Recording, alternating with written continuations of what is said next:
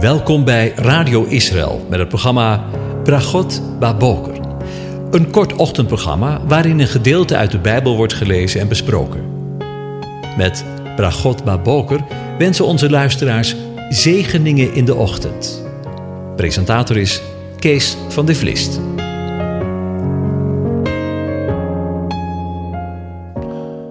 Goedemorgen, Bokatov, beste luisteraars. We gaan weer verder met uh, het overdenken van Psalm 90. Ik lees de psalm aan je voor. Een gebed van Mozes, de man Gods. Here, u bent ons geweest een toevlucht van generatie op generatie.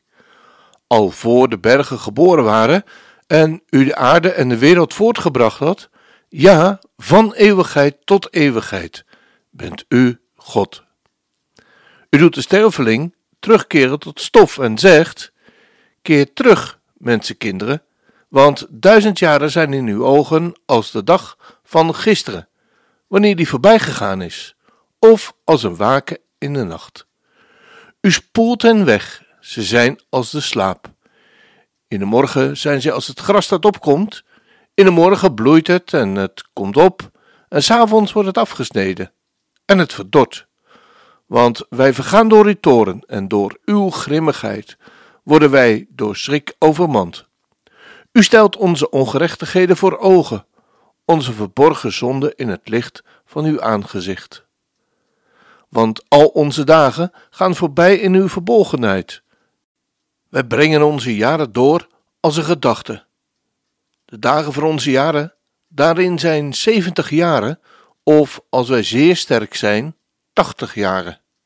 Maar het beste daarvan is moeite en verdriet, want het wordt snel afgesneden en wij vliegen heen. Wie kent de kracht van uw toorn en uw verbolgenheid? Wie weet hoezeer u te vrezen bent?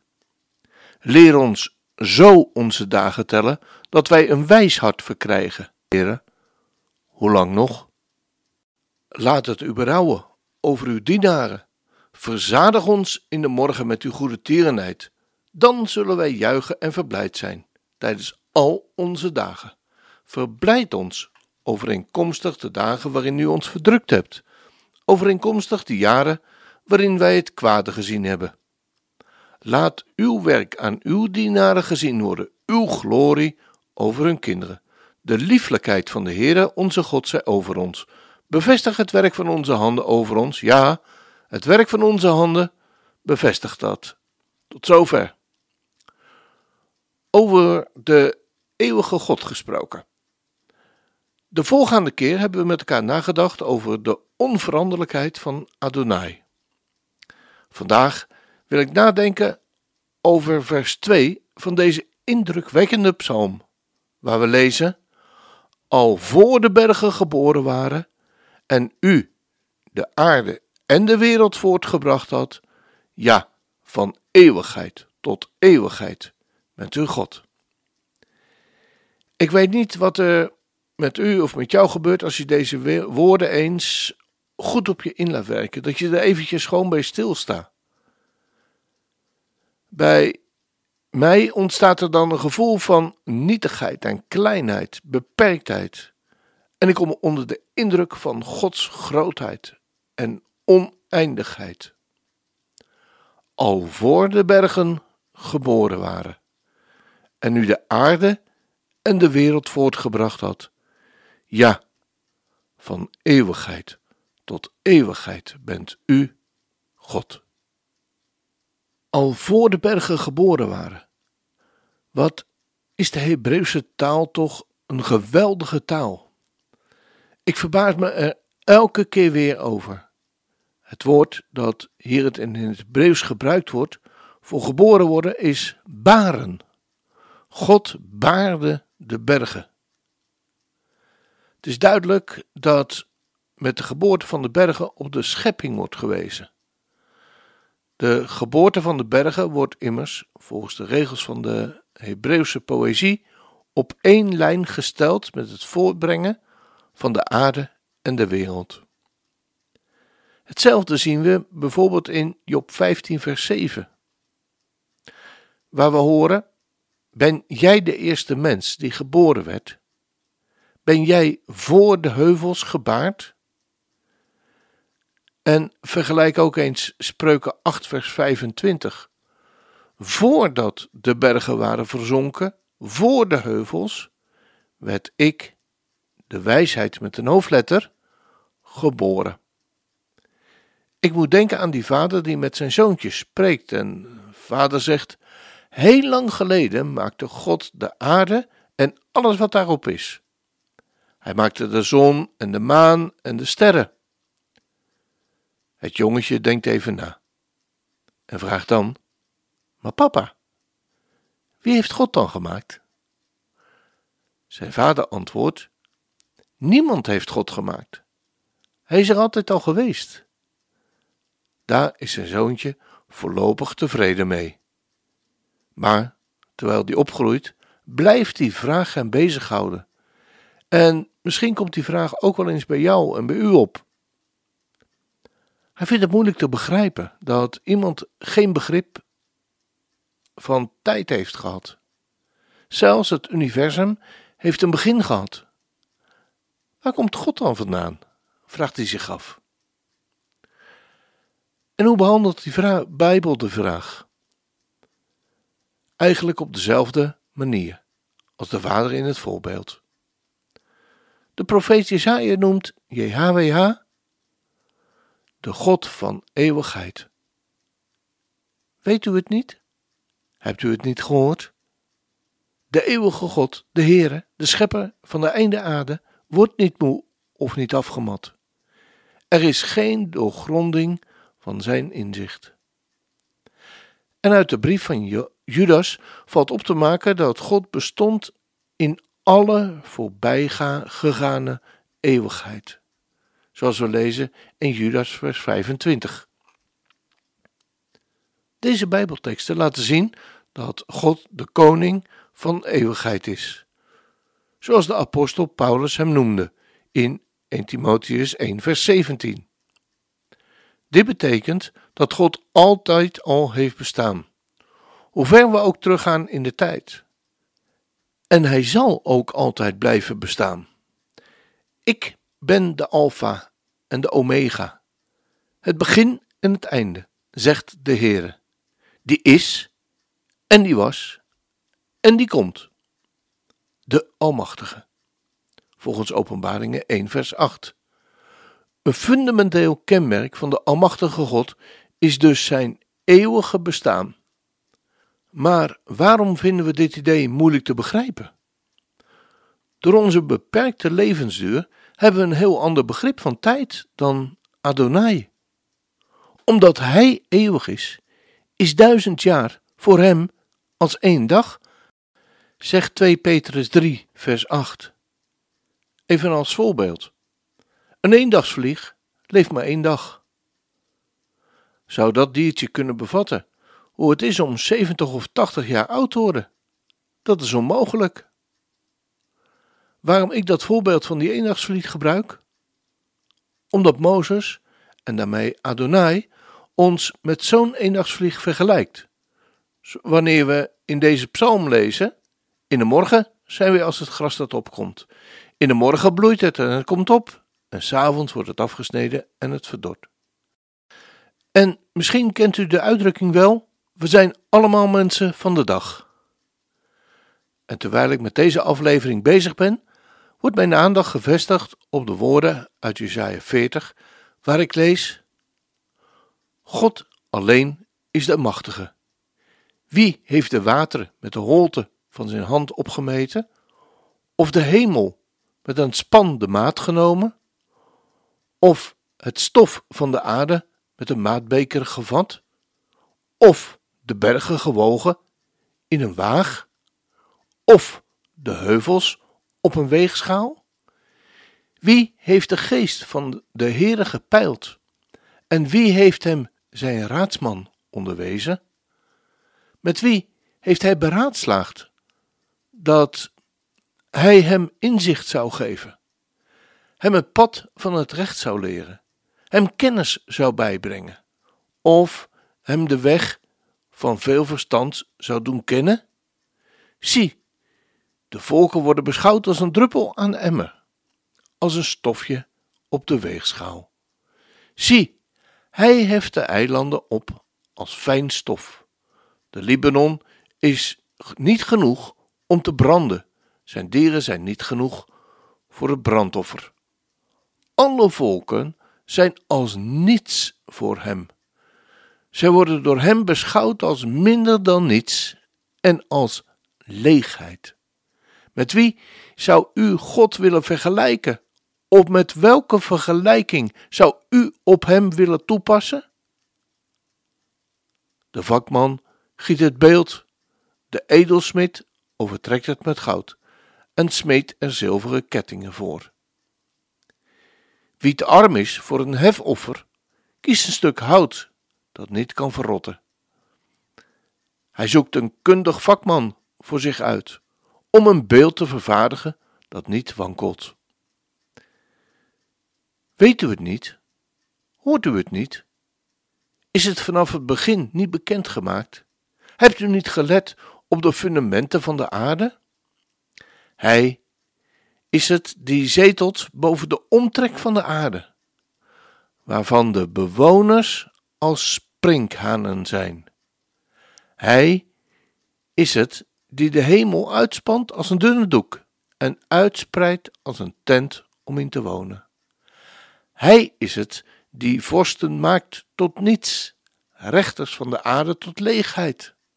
Ja, zij zijn niet geplant, ja, zij zijn niet gezaaid, ja, hun afgehouwen tronk wordt niet in de aarde. Ook als hij op hen blazen zal, zullen zij verdorren, en een storm neemt hun weg als stoppels. Met wie zou u mij willen vergelijken, of aan wie ben ik gelijk? Zegt de Heilige, sla uw ogen naar op omhoog en zie wie deze dingen geschapen heeft. Hij is het die hun leger voltallig tevoorschijn brengt, ze allebei namen roept. Door zijn grote vermogen en zijn sterke kracht, er ontbreekt er niet één. Waarom zegt u dan Jacob? En spreekt u Israël? Mijn weg is voor de Heere verborgen en mijn recht gaat aan mijn God voorbij? Weet u het niet? Hebt u het niet gehoord? De eeuwige God, de Heere, de schepper van de einde der aarde, hij wordt niet moe of niet afgemat. Er is geen doorgronding van zijn inzicht. Hij geeft de vermoeide kracht en hij vermeerdert de sterkte van wie geen krachten heeft. Jongeren, die zullen moe en afgemat worden. Jonge mannen zullen zeker struikelen. Maar wie de Heere verwachten, zullen hun kracht vernieuwen. Zij zullen hun vleugels uitslaan als arenden. Zij zullen snel lopen en niet afgemat worden. En zij zullen lopen en niet moe worden. Tot zover. Als je deze woorden leest, dan. Ja, wat een, wat een ongelooflijke, bovenmenselijke eeuwigheidswoorden. U mag het best weten. Ze maken een diepe indruk op mij. Wat een onvoorstelbare wijze en eeuwige God hebben wij mogen leren kennen. Wat een genade. En wat een geweldige belofte sluit dit Bijbelgedeelte uit Jesaja 40 af. Dat geldt voor Israël, maar even ons voor ons. Maar wie de Heere verwachten, zullen hun kracht vernieuwen. Zij zullen hun vleugels uitslaan als arenden. En zij zullen snel lopen en niet afgemat worden. Ze zullen lopen en niet moe worden. Als dat geen zegen is. Vanuit de IJsselhallen in Zwolle zingt Gospel Boulevard Eeuwige God, opwekking 454. Zing en swing mee met dit heerlijke lied.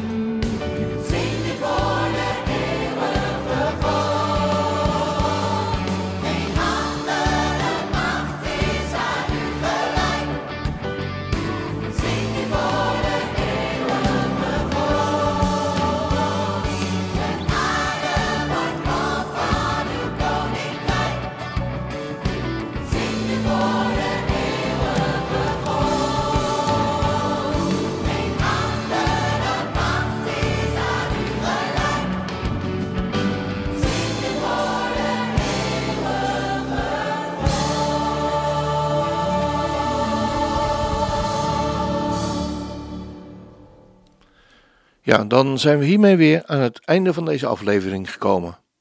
En wens ik u God zegen. De Heer zegene en hij behoedt je. De Heer doet zijn aangezicht over je lichten en zij je genadig. De Heer verheffen zijn aangezicht over je en geeft je vrede. Zijn shalom. Amen.